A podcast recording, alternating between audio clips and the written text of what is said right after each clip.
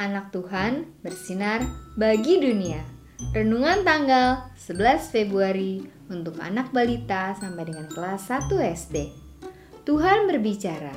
Diambil dari Matius 7 ayat 24. Setiap orang yang mendengar perkataanku ini dan melakukannya, ia sama dengan orang yang bijaksana yang mendirikan rumahnya di atas batu. Kabulan, kabulan!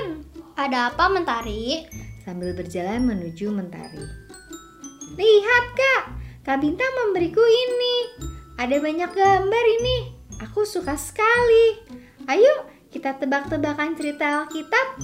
Ayo, ayo, kita mulai ya. Mentari meletakkan semua gambar di meja. Bersama Kabulan, Mentari mulai membuka setiap kartunya.